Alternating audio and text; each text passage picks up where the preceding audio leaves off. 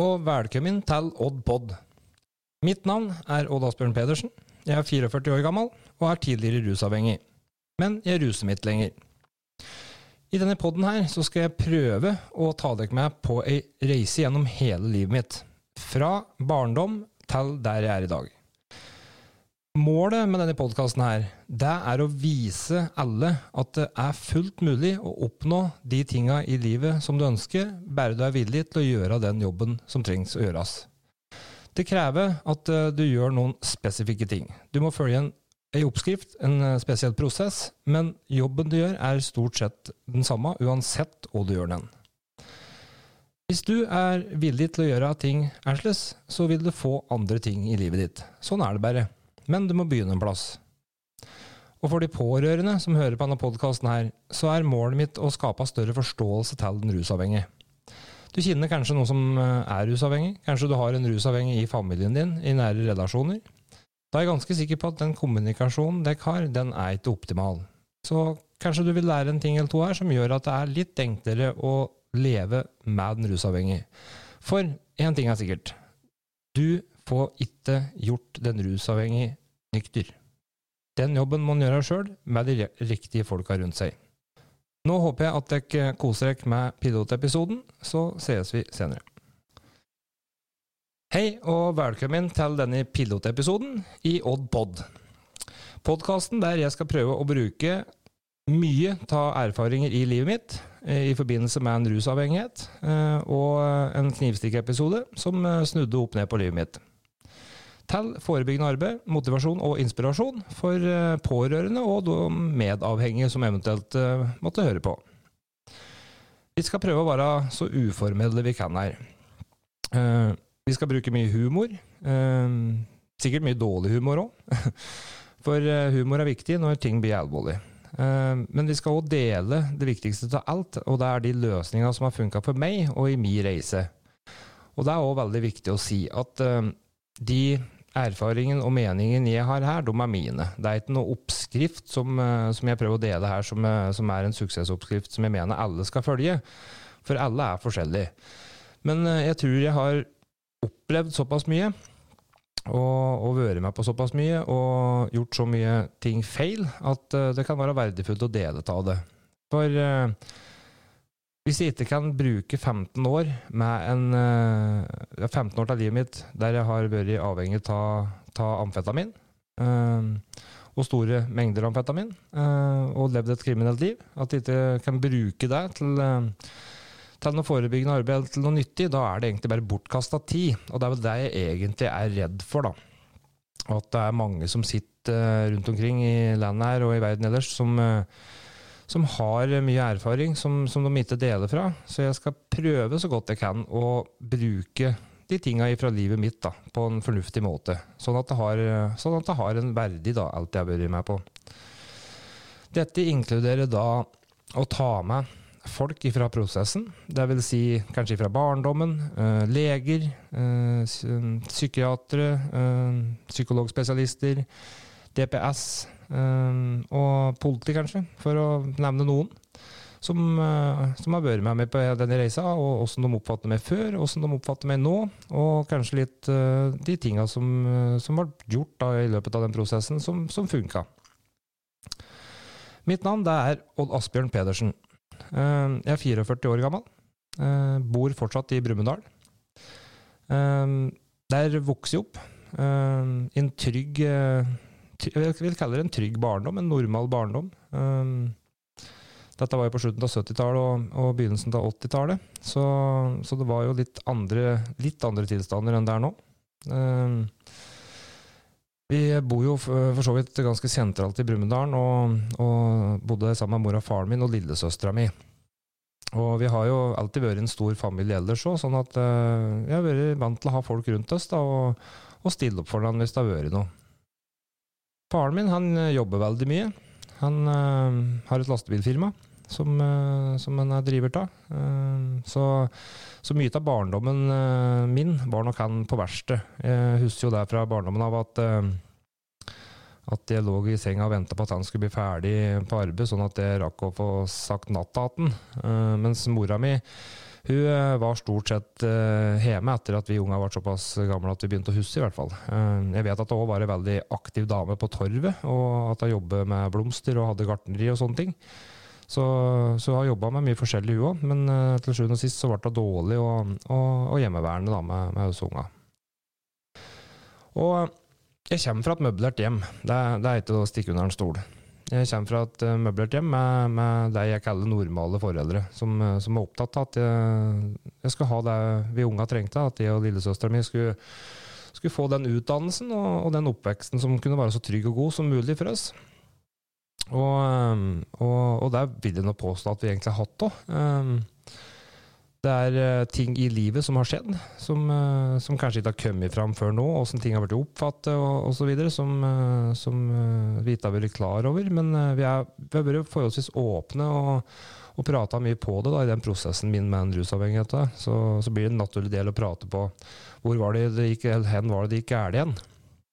Og, og, og det, det, er en sånn evig søken, tror jeg, som, som rusavhengig har. da at de prøver på en måte å, å finne ut grunnen. For at det, det blir liksom litt for sterkt, føler jeg, for oss sjøl, at det bare er oss som har tatt dårlig valg. Men i mitt tilfelle så, så tror jeg mye av det handler faktisk om at, uh, at jeg, jeg, hadde et valg. Uh, og at jeg på en måte har misoppfatta en del ting. For uh, når jeg var sju år gammel, så ble jeg medisinert for en barneepilepsi. Og jeg har sagt før at jeg skal sette et ærlig ansikt på, på, på den rusavhengige. Og det krever òg at jeg er veldig åpen og ærlig om ting som har skjedd. Sånn at uh, dette er en veldig sårbar, uh, sårbar uh, pilotepisode, der jeg, der jeg, skal prøve å beskrive så godt jeg kan da, hva jeg husker, det jeg husker fra barndommen min, og, og ting som skjedde. Og jeg kan vel si at fra sjuårsalderen så ble det da medisinert eh, med 1000 mg Orferil og 600 mg Sarondan. Og for dere som ikke vet da hva, hva, dette er slags eh, medisiner, så blir Orferil i dag brukt mot, eh, for da, bl.a. utagerende psykiatriske pasienter som, som, de trenger å roe ned.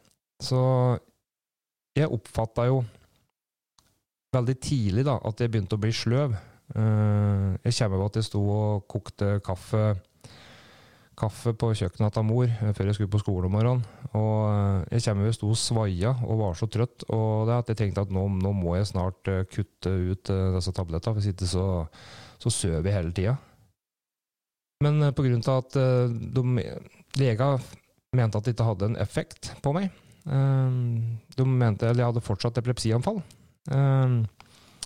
Og, og, så de økte dosa da, hele tida. Og dess mer de økte dosa, dess mindre husker jeg egentlig av barndommen min. Um, men fortsatt hadde jeg da epilepsianfall.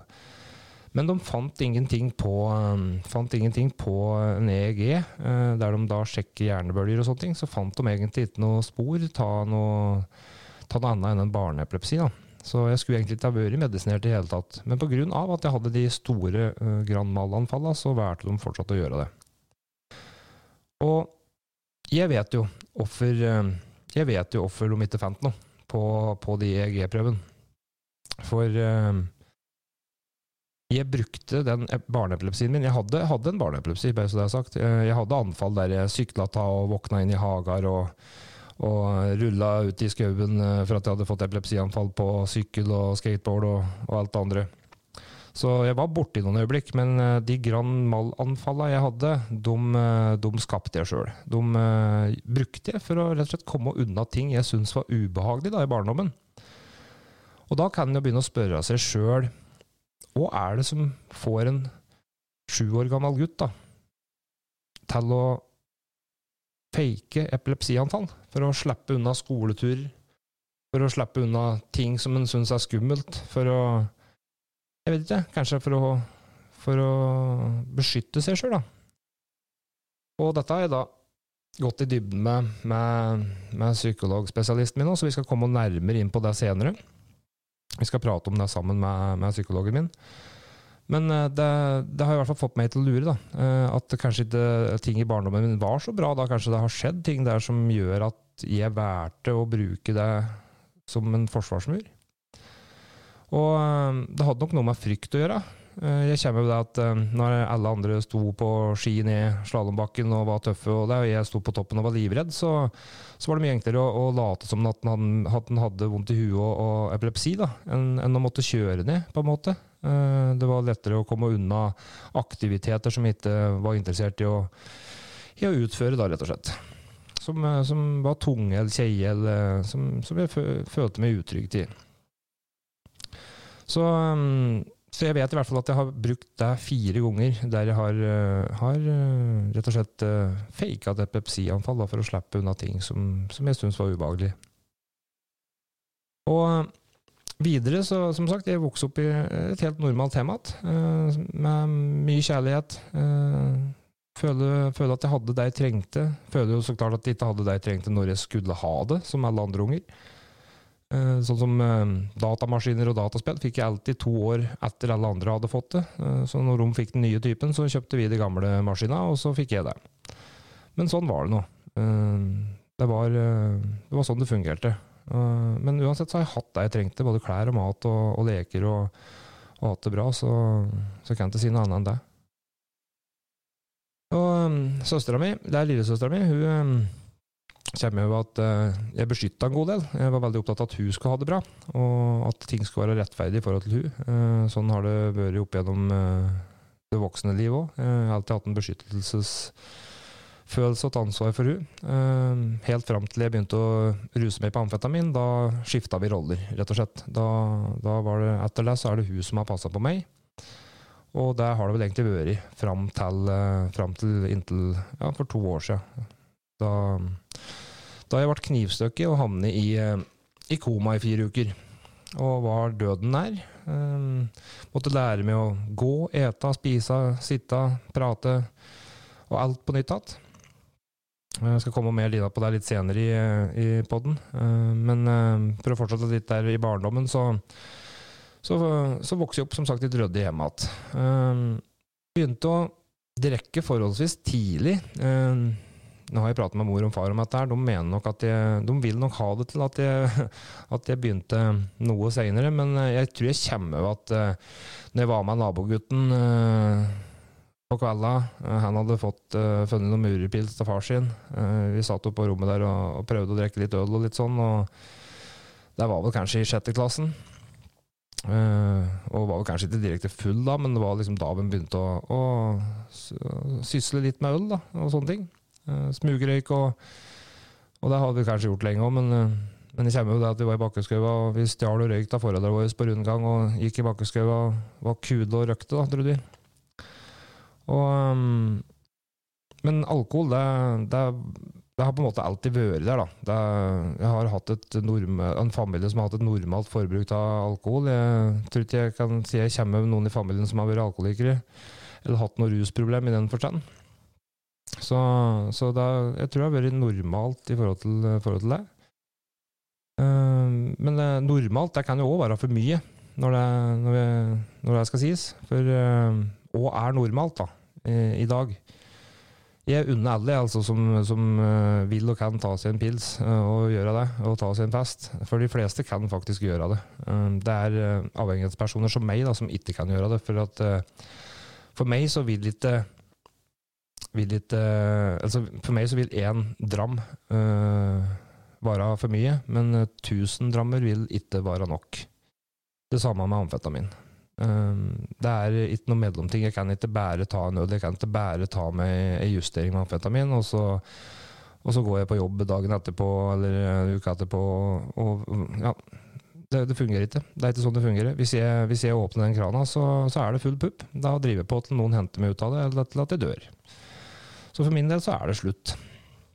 Og, og det er det for, for veldig mange andre, da, som, eh, og de fleste andre som, som da slutter å ruse seg. De eh, kan ikke egentlig tillate seg å, gå den veien igjen. Men eh, som jeg sa, lillesøstera mi og jeg, vi vokste jo opp sammen. Hun er jo tre år yngre enn meg. Og, og vi begynte jo å feste litt i lag etter hvert. Da hadde vi det drevet på noen år når hun begynte å være med oss. Men, eh, men hun kom jo ut av det ganske ryddig. Hun var jo ikke den som tok av eh, helt på fester. Hun var ikke den som drakk mest. Hun kunne faktisk være med på en fest og, og bli fullsjuk og ikke orke å drikke på flere måneder. Mens eh, jeg syns det alltid smakte best å begynne på igjen dagen etterpå, etter at jeg hadde vært full. Hvis jeg begynte å drikke på torsdag, da, som vi som regel gjorde før, da, da var vi på Kaffe 180 i Moelven. Og, eh, og begynte det på torsdagen, og så eh, fikk vi snubla oss inn på skolen på fredagen og, og tatt en skoledag, eller, eller jobbe, da, litt ettersom. Og så fortsatte vi på, på fredag etter arbeid, og gjerne utover lordagen og etter hvert søndagen. Da, da var det en gjeng til oss, eh, i hvert fall på sommeren, som samlet seg nede på Brua grill, gamle Brua grill, og satt der og, og drakk pils og koste oss og åt mat. Um, og dette her pågikk jo i noen år. Um, jeg har jo pløgd gjennom noen forhold uh, der uh, jeg stort sett har vært full, tror jeg, gjennom store deler av forholdet. Um, og har jeg ikke vært full, så, så har jeg vært ute på et eller annet hyss. Så jeg er ikke akkurat det du kaller mest ryddig person, og, og spesielt etter um, Spesielt etter uh, Etter um, jeg sluttet på epilepsitabletter da, i en alder av 14, så skjedde det et eller annet til meg. Jeg ble så urolig, og jeg ble så gira, og jeg fikk igjen en energi da, uh, som, som nesten var en rus i seg sjøl. Jeg, kommer enda for at jeg, jeg gikk jo på altså epilepsitabletter. Jeg brukte jo, brukte jo, på en måte Jeg vet ikke om det gikk bare over til at jeg på en måte ble så medisinert at jeg glemte at jeg hadde egentlig dridd litt langt med den epilepsien. For jeg fortsatte nå på de epilepsitablettene for det ble noe prat på at førerkortet øh, øh, sto på spill. Hvis jeg, hvis jeg fortsatt hadde anfall øh, hvis jeg slutta på medisiner. Så vi fikk vel en liten oppvekker da. Men jeg kommer ikke til hvor på veien på måte epilepsien ga seg, og, og jeg på en måte tok over i den trua at jeg fortsatt måtte ha de medisinene, eller om jeg var avhengig av de medisinene da i så ung alder. For det gjorde noe med meg. Jeg ble rusa av dem. Jeg var jo så sløv at på videregående så, så kom jeg sjelden på skolen før lunsj. Jeg var jo helt ferdig, sov jo stort sett på dagtid. og og langt utover kvelden, og kanskje våkna på kvelden og var ute halve natta og snudde døgnet på huet. Så, så, det gjorde jo helt klart noe med meg, men det har i hvert fall gjort noe med hukommelsen min. Sånn at de minnene jeg har fra barndommen, de, de kunne nok ha vært bedre. Uh, for mye av det jeg husker, det kan nok hende at det bare er fantasi, faktisk. At det er noe jeg har dikta opp i huet mitt i barndommen Sånn som at eh, jeg, hvis, jeg hadde tenkt mye på at jeg ønska at en far skulle være med meg på fisketur, så, så, kunne jeg skapa meg det minnet i huet. Sånn at jeg husker det som et faktisk minne seinere. Uh, og det har vi prata på, at jeg har sittet fortalt historier da, fra barndommen som, som, ikke stemmer. da. Uh, som de folka ikke kan komme over at de har vært med på. Og det er jo kanskje av den enkle grunn at de faktisk ikke har det. Men uh, men jeg ble 14, da sto mopedlappen på spill, husker jeg. Eh, så da slutta jeg tvert på de epilepsimedisinene, og, og jeg kommer ikke til om jeg da på en måte tenkte at jeg egentlig ikke hadde en epilepsi, men, eh, for da var jeg så innsauset til de medisinene at jeg, jeg tror, tror, ikke jeg helt klarer å, å, å egentlig forklare helt uh, hva jeg tenkte. Men uh, jeg hadde i hvert fall ikke noe epilepsianfall etter det, naturlig nok. Um, jeg hadde ikke hatt noen uh, store ordentlig fra før heller, så Men i 14-årsalderen da bråsluttet jeg med de tablettene, og, og det hadde jo da òg gjort, da, bare så det er sagt òg, at når jeg begynte på de tablettene i sjuårsalderen og og da, så, så, gikk jeg på dem noen år, og så gikk jeg over på et annet slag litt seinere. Jeg, jeg vet ikke om jeg var på ungdomsskolen da, men jeg, jeg, gikk i hvert fall opp 25 kilo på et halvt år eller noe. Det var kraftig vektøkning i hvert fall på de tablettene som jeg gikk over på. Um, og de 25 kila, de er her enda så det, de uh, har ikke forsvunnet, selv om jeg har sluttet med tabletter. Uh, men uh, det har òg vært litt sånn plagsomt, jeg. Eh, jeg ble mye mobba da, for at jeg var, for at jeg var tjukkere enn de andre, og det har egentlig vært fra barndommen. har vært trudd inn i kjaka uh, fra da òg. Uh, eh, men, uh, men jeg kommer at jeg ble mobba en del, og at det var noen episoder gjennom barndommen da, som gjorde at, at ting var litt ubehagelig. det er kanskje derfor at jeg er såpass imot mobbing, eller at jeg, at jeg er såpass sterk forkjemper for rettferdighet i dag òg, da. og egentlig har vært hele livet. Ting skal være rettferdig. Jeg blander meg utrolig mye i ting jeg ikke har noe med, uh, ofte når, når, ting er urettferdig. Og, og ja, jeg er opptatt av, av, å støtte de folka som på en måte som har det vanskelig og vondt. da. For jeg vet åssen de har det.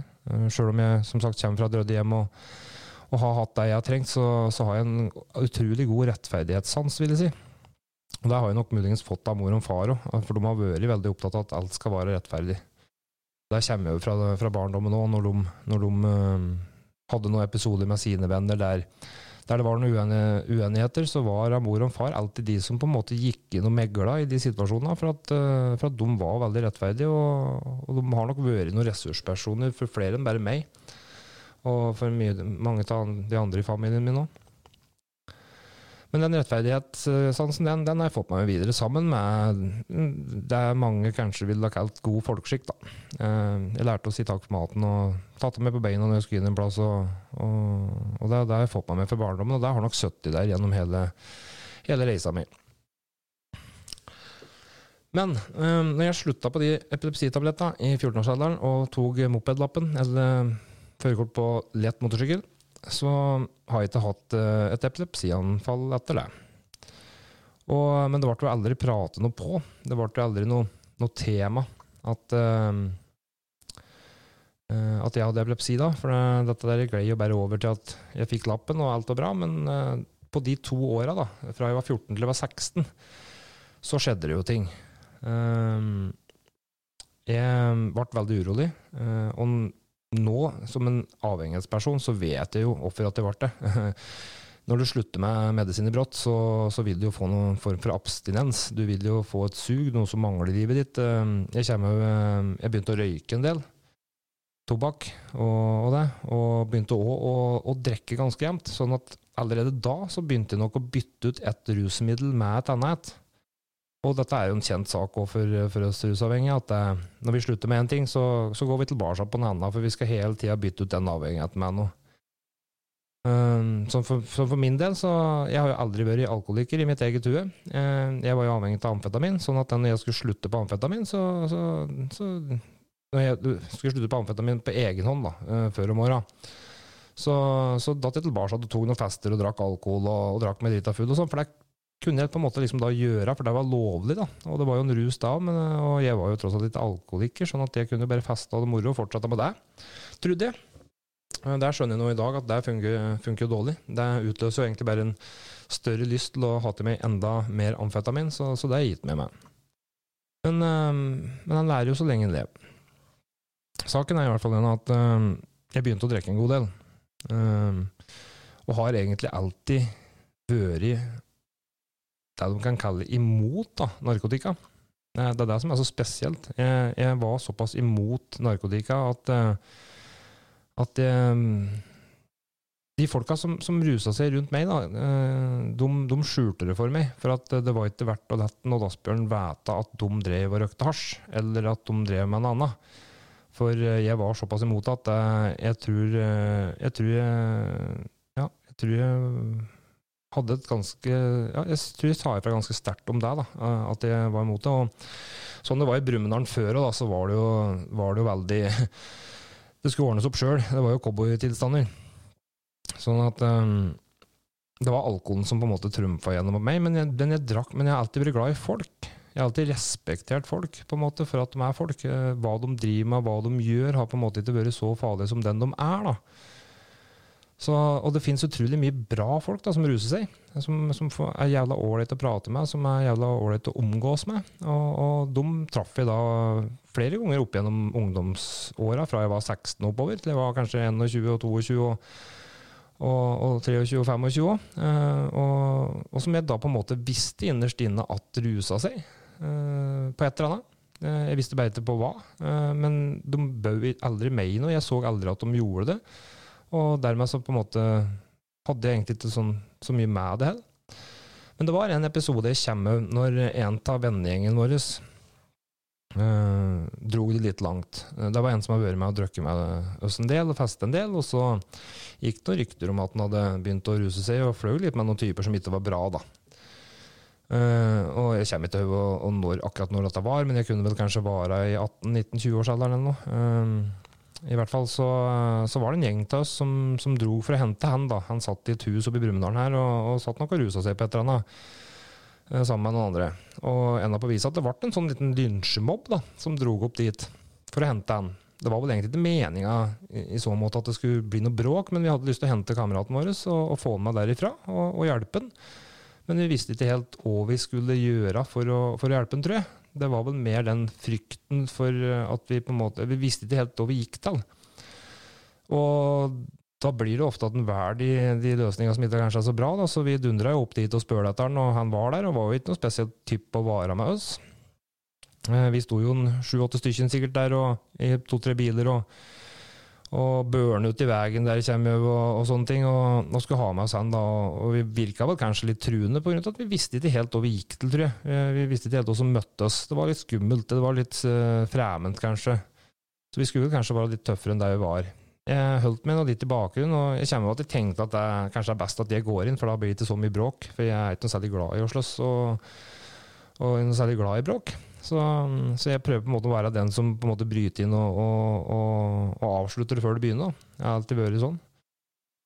Og da, mm, og da kommer jeg at det var noen som spente inn døra der og dundret inn. Ble knust i rute, og der eh, marsjerte da sikkert sju-åtte stykker rett inn i det huset. Og der sitter jo en gjeng, da. og Jeg vet ikke om de røyker eller de hadde hatt i seg, men i hvert fall så sitter noen gjeng der, og det blir jo noe håndgemeng inni der, og de går noen skåpdører, og det blir, blir mindre trivelig. Men han, han ville jo ikke være med oss, egentlig. Han satt jo der med sine, sine andre venner og koste seg sikkert. og så det ble jo egentlig bare tull, der. Men eh, til slutt så ble han vel med oss på grunn av at han ble såpass redd, tror jeg, for at det skulle bli så mye bråk. Eller for å unngå at det skulle bli mer bråk for dem han var igjen. Så, så vi så vi dro nå derfra med han og prata med han, og, og kommer liksom at det, det, du får være med oss og drikke i stedet for.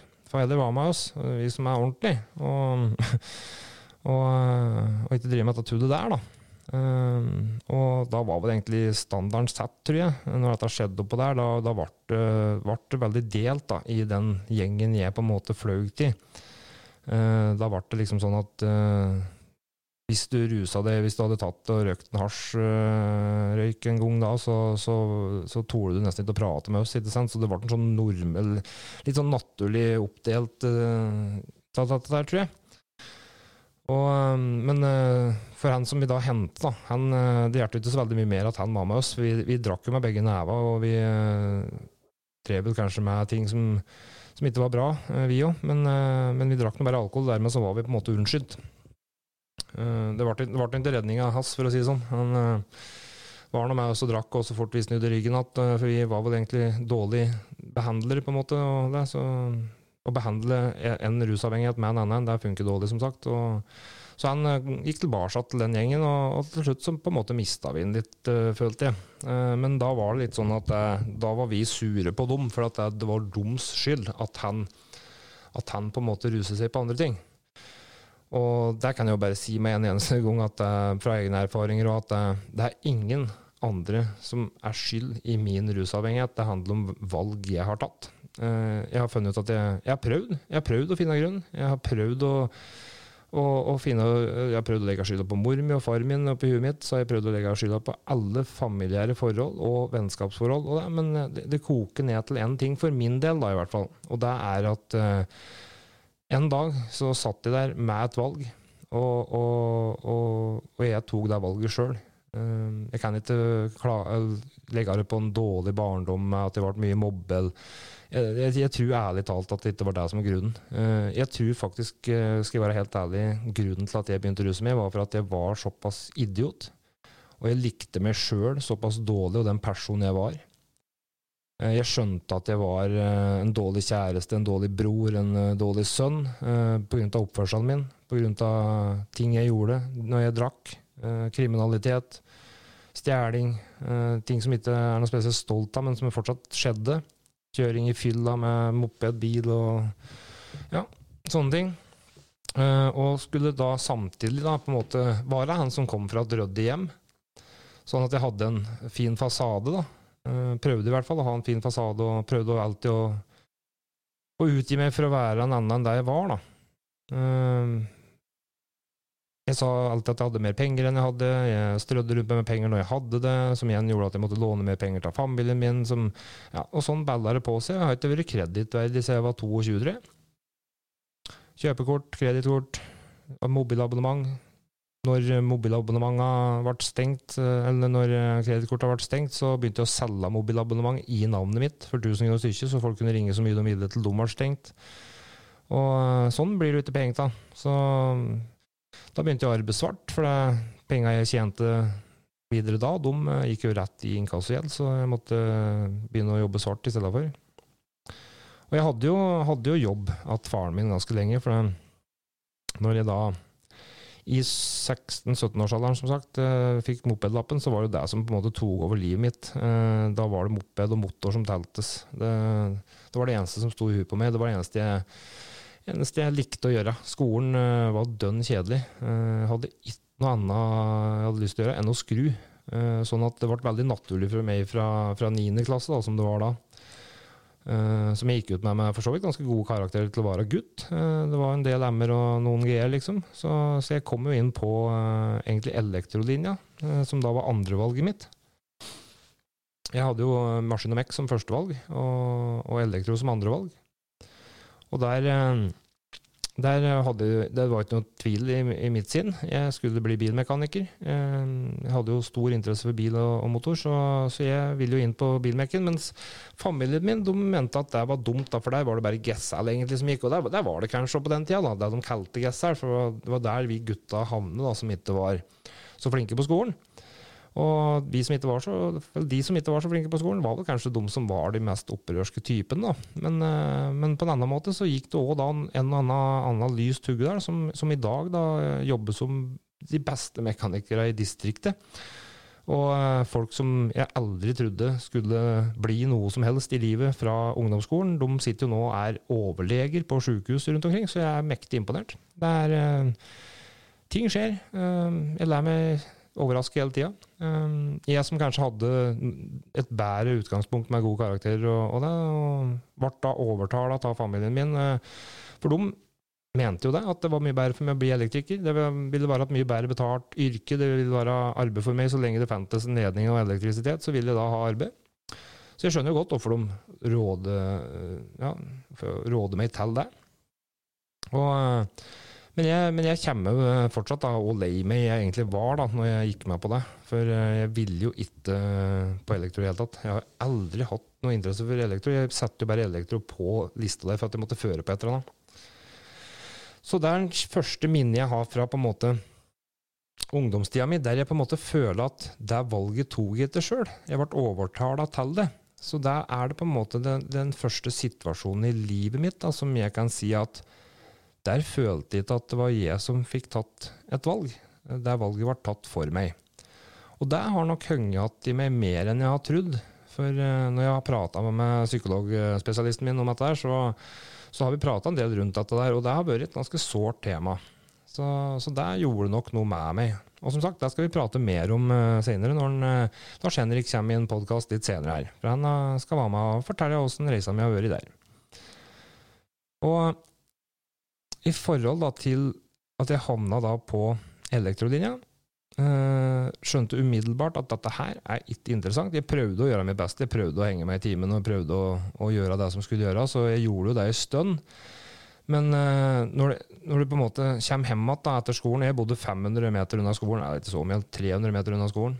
Um, enda så, Jeg var så motorinteressert at jeg kjørte moped da, opp på skolen. Uh, kom sjelden før som sagt eh, lunsj, for jeg satt ute i boden og skrudde moped hele natta og, og, og lakkerte mopeddeler. og det, det, var det som var greia. da. Og så drar jeg opp uh, dit og, og, skulle koble ledninger og ha matematikk og norsk og engelsk og alt det andre jeg var dritlei fra før. Så, så det, det, sier seg sjøl. Uh, første året på elektrolinja der gikk jeg ut med over 50% fravær.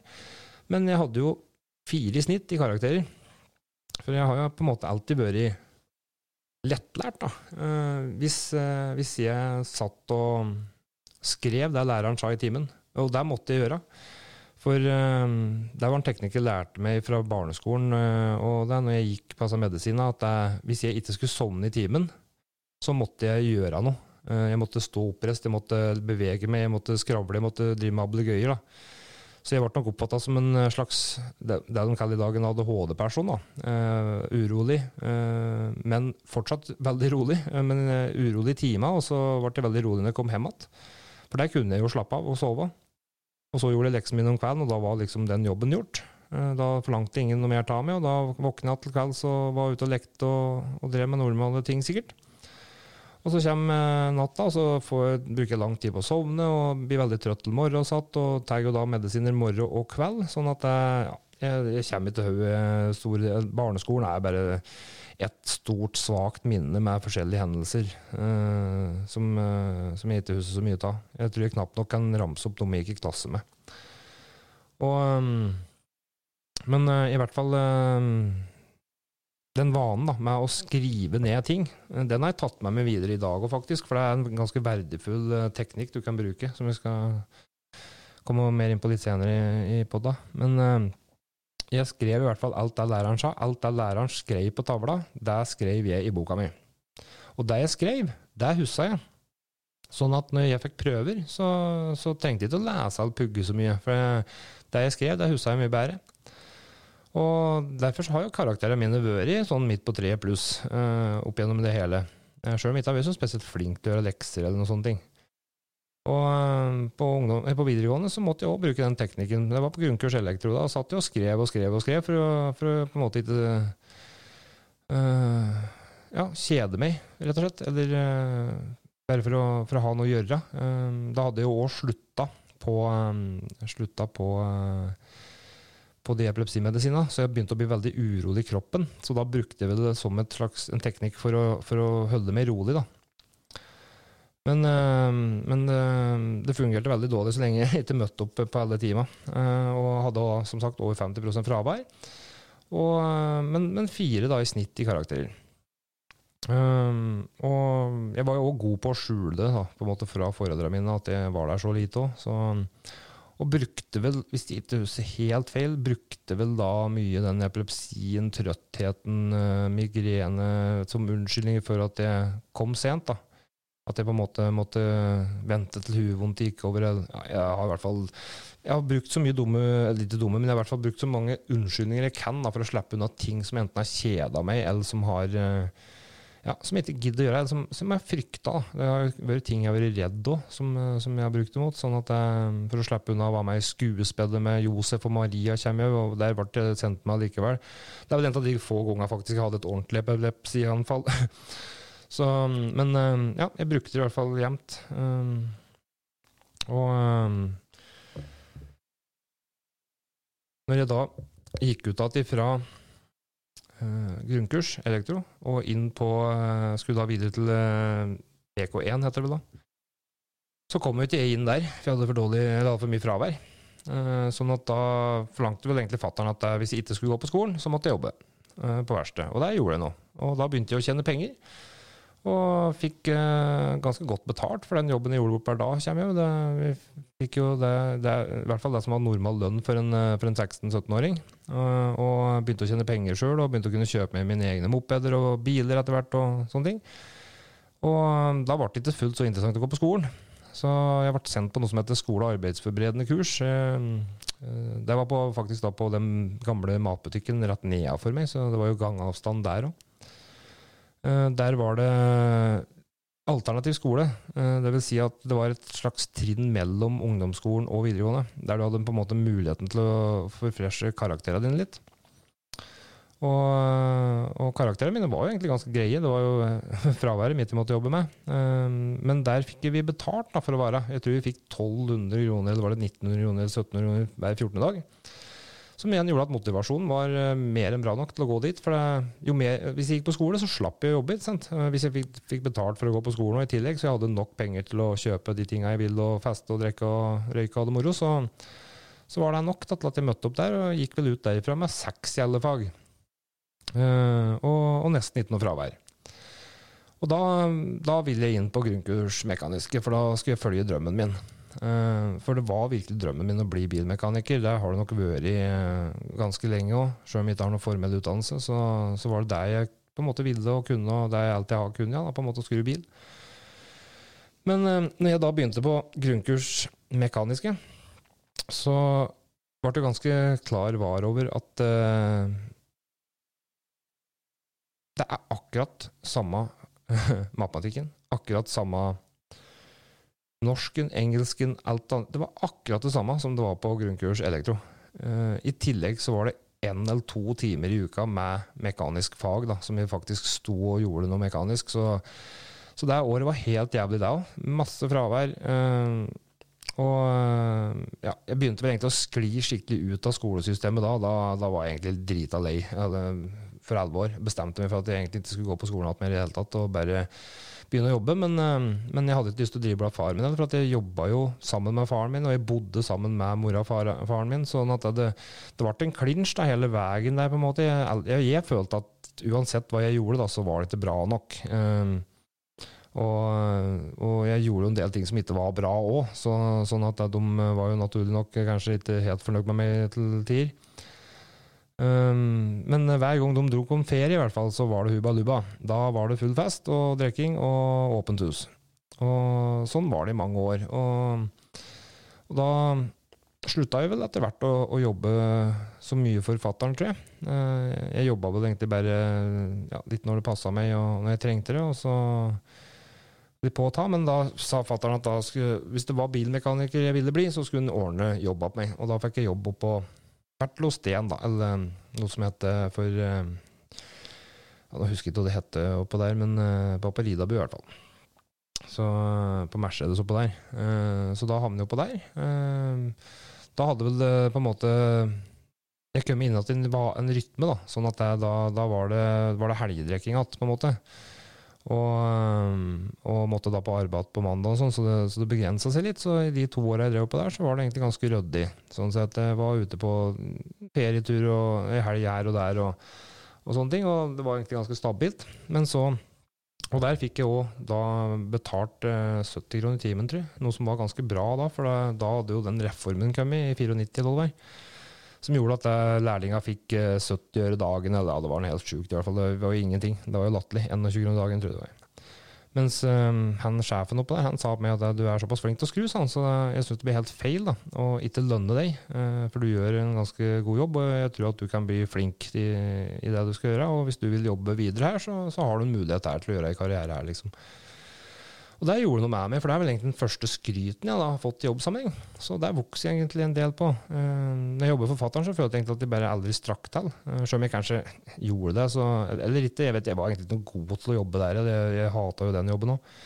Og uh, var jo egentlig tjukk og tung og var jo tregere enn alle andre. og, og og ikke så rask. Og ja, jeg vet det, det, og lastebil, merkelig nok, da, interesserte meg, interessert meg veldig lite. Det var bil som var greia, så det ble bare et ork. Eh, noe som igjen gjør at du ikke da gjør en så bra jobb, og så kommer du hjem igjen, og så er, er, du egentlig drita lei alt og har smerter, og det er pga.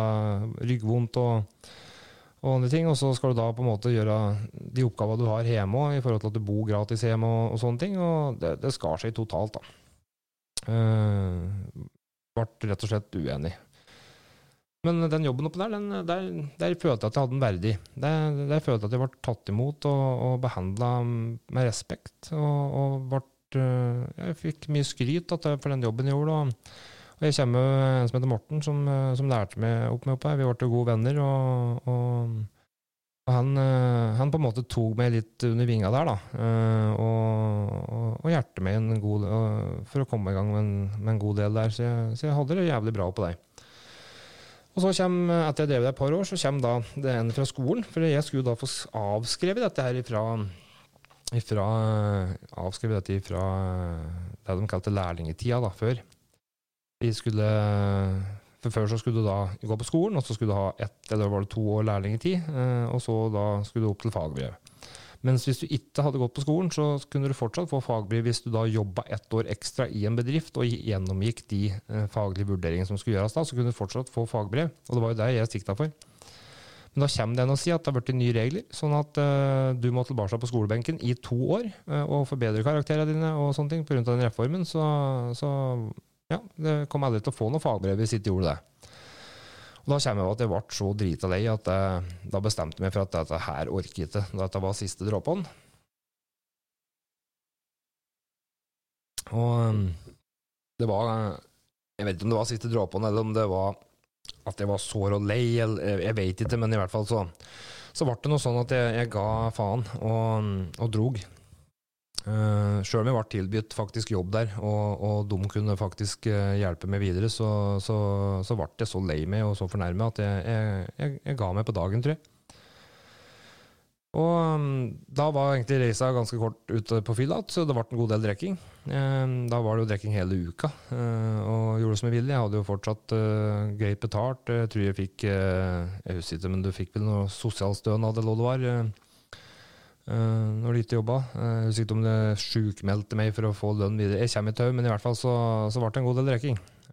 og det var vel det som på en måte var grunnlaget for min avhengighetsperiode, tror jeg, når jeg da begynte å drikke der. Eh, jeg flyttet da etter hvert ned til Oslo og, og kjørte rangering nedi der òg, men jeg kommer jo hodet at eh, For vi var en gjeng nedi der da, som, som kjørte rangering og, og betongbil og, og, litt andre ting. Og eh, de som hører på meg nå, som husker den tida der, det, jeg, jeg kommer jo hodet at jeg måtte ha sjåfør fra Brumunddal på søndagskvelden ned til Oslo, for jeg var jo så drita full at jeg kunne ikke kjøre sjøl.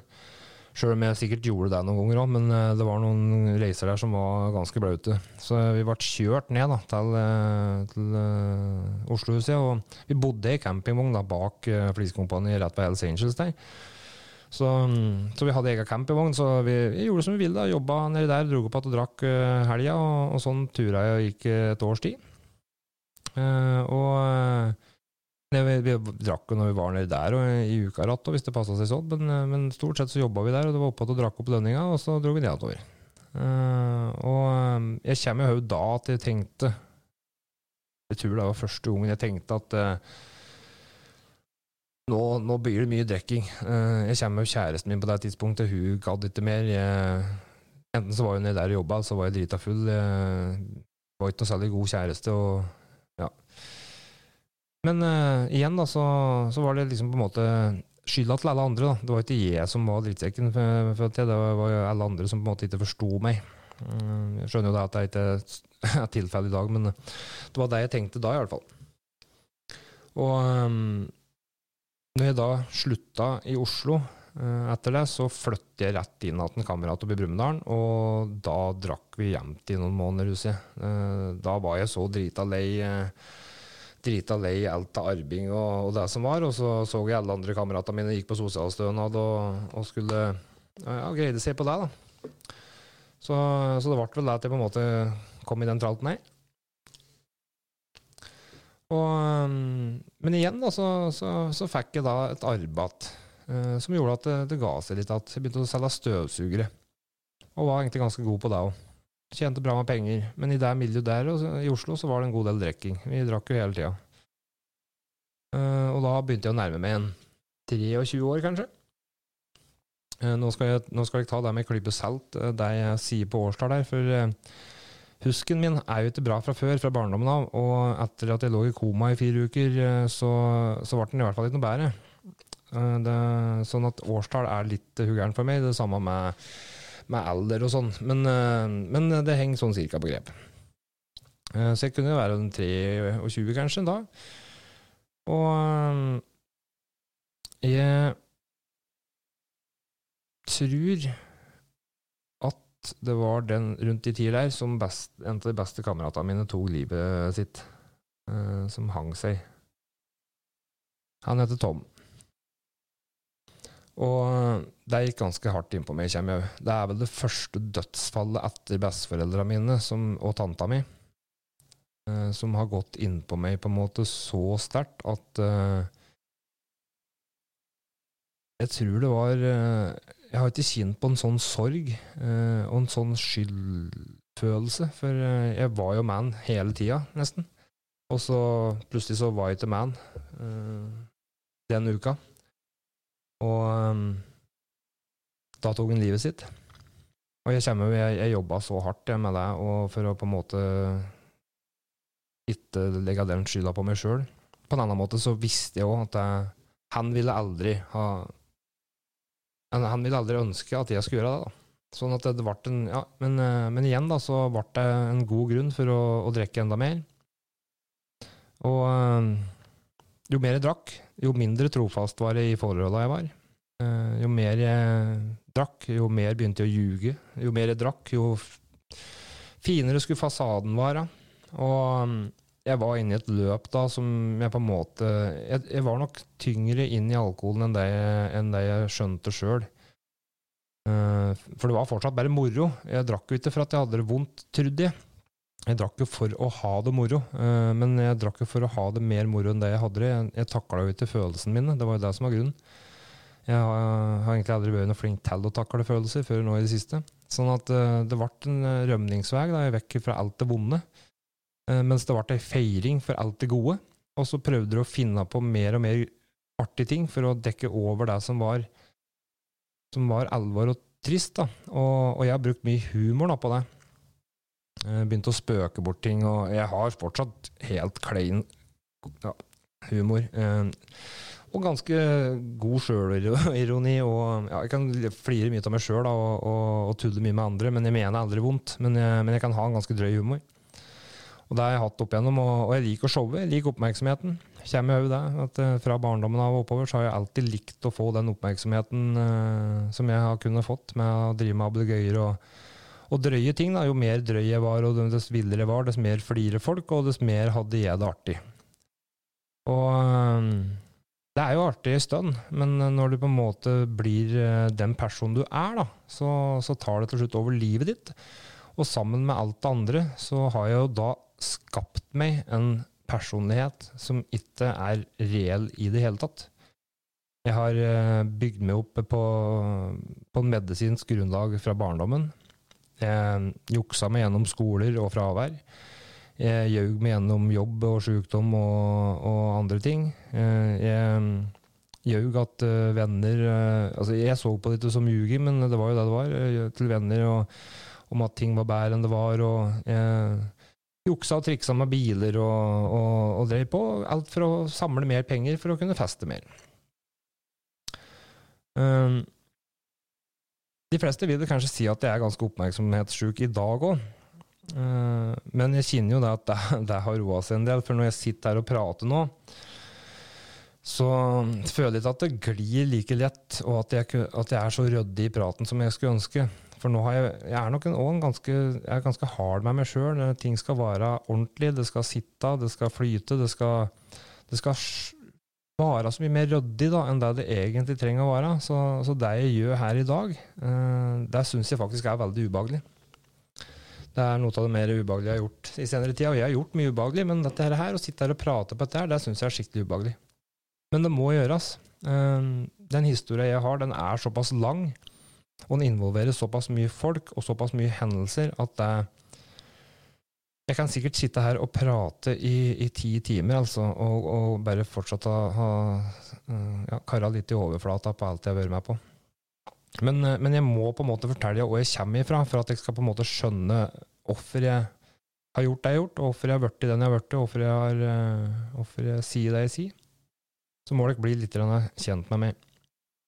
Og det er jo det denne pilotepisoden her er òg. Jeg skal ikke gå i dybden på noe av det jeg prater på nå, jeg skal prøve bare å fortelle litt reisa fra barndom og til der jeg er i dag. Da, og så skal vi se, gå tilbake og dukke litt inn i de episodene som, som har gjort at jeg havna der jeg havnet.